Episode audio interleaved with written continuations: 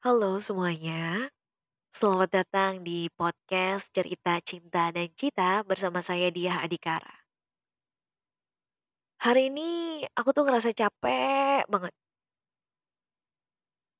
Jadi rasanya tuh sebenarnya tuh bukan berarti capek yang kayak habis nguli gitu badannya kesel-kesel, enggak.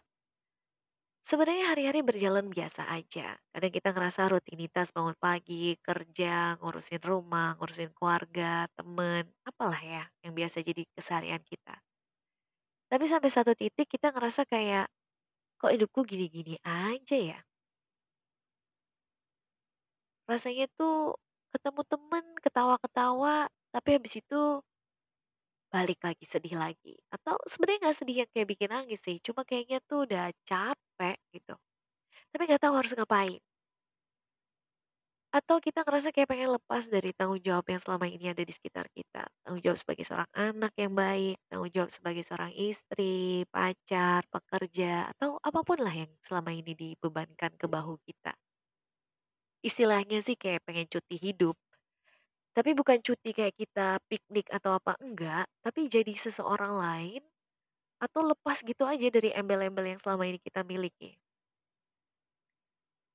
Aku pernah ngalamin ini banget dan parah menurut aku sampai aku butuh bantuan. Jadi kesehatan secara psikologis itu penting ya. Kadang stres gitu bisa mengganggu kese- kesehatan psikologis kita, kesehatan mental kita sampai kita butuh bantuan. Akhirnya aku mutusin untuk datang ke psikolog dan dia bilang bahwa selama ini aku terlalu menjadikan berbagai macam hal di sekitarku sebagai prioritas. By the way, buat sobat cinta semua yang belum tahu, aku ini pekerja, seorang ibu, dan lain sebagainya. Dan pengennya itu kerjaan nomor satu, keluarga nomor satu, anak nomor satu, suami nomor satu, orang tua nomor satu, semuanya di nomor satu. Ya pasti jadi ke ke apa ya, kewalahan ya. Pasti capek banget. Karena kan dunia kita terbatas kan. Waktu kita aja cuma 24 jam. Gak bisa ditambahin lagi.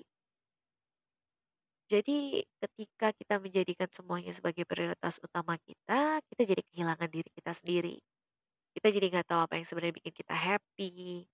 Kita sendiri jadi nggak tahu kenapa ya kita ngelakuin ini semua. Akhirnya dari situ psikolog itu bilang kalau kita harus nentuin kembali nih. Aku harus nentuin kembali prioritasnya. Yang nomor satu apa sih? Yang nomor dua apa? Dan aku kebingungan. Jadi ternyata susah ya untuk menentukan apa yang paling penting dari semua hal yang kita anggap penting. Tapi sekali lagi kita harus memilih. Dan akhirnya pilihanku datang dan kembali ke keluarga. Karena aku berpikir bahwa oke lah pekerjaan, karir, mungkin itu sesuatu yang membanggakan, menghasilkan, bentuk dari ekspresi, apresiasi diri, eksistensi diri. Tapi kalau kita hilang, rusak, digantikan, perusahaan akan dengan gampang dapat mengganti kita. Ya nggak sih? Tapi buat anak kita, buat suami kita, buat orang tua kita, ya kita cuma cuma satu di dunia ini dan nggak bisa digantikan oleh apa pun. Jadi akhirnya kita kembali ke keluarga. Sampai situ, ternyata permasalahannya nggak semudah membalikan kedua tangan. Gak bisa ya manusia berubah gitu aja. Butuh proses. Dan salah satu cara untuk ya sedikit cuti hidup adalah melakukan hal yang kamu suka. Mungkin kita perlu juga melakukan list ya. Ini sebenarnya aku kayak eh, menasehati diri sendiri. Karena udah mulai kerasa capek lagi nih, udah masuk ke level yang stresnya udah mulai tinggi sehingga aku harus cooling down. Beberapa orang punya cara dengan meditasi, seperti eh, pengaturan pernafasan dalam yoga sebelum tidur, saat bangun tidur. Tapi ada juga yang ternyata itu nggak cocok. Dia lebih cocok untuk menggerakkan badan dengan irama musik seperti berolahraga, aerobik, menari, bernyanyi. Jadi memang kita harus cari terapi kita sendiri untuk membuat kita kembali refresh atau setidaknya kembali ke posisi netral. Membuat list apa yang bisa kita lakukan untuk membuat kita happy. Makan enak, nonton film, tidur, ke mall. Apa aja deh yang bisa bikin kita happy mungkin harus dilakukan ya. Karena menurutku kita mungkin mencintai orang-orang di sekitar kita. Tapi siapa yang akan mencintai kita kalau semuanya nggak ada selain diri kita sendiri. Sehingga kayaknya kita patut deh membahagiakan diri kita sendiri, melakukan berbagai hal untuk diri kita sendiri, melakukan sesuatu dan menjadikan diri kita sebagai prioritas. Bukan berarti berlaku seenaknya, cuman kasih kesempatan lah diri kita untuk bernafas, kasih kesempatan bagi diri kita sedikit ruang untuk sedikit menghindar dari kewajiban-kewajiban, dari tanggung jawab, dari upaya nomor satu, upaya menjadi paling. Coba deh untuk jadi biasa-biasa aja. Mungkin itu bisa bikin kamu gak capek loh dia.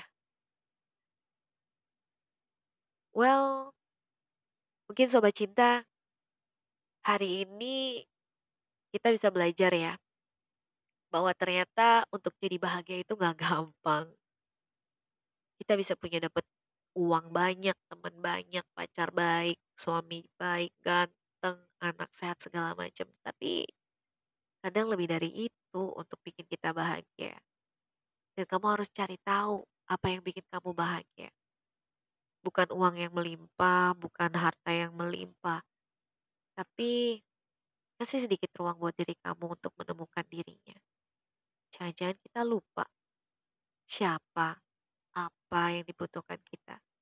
Selama ini kita mengejar minuman berkilauan di luar sana, padahal sebenarnya kita butuhkan cuma air putih.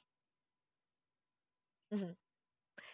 Sampai ketemu lagi di cerita cinta dan cita bersama di Hadikara, dan terima kasih sudah mendengarkan.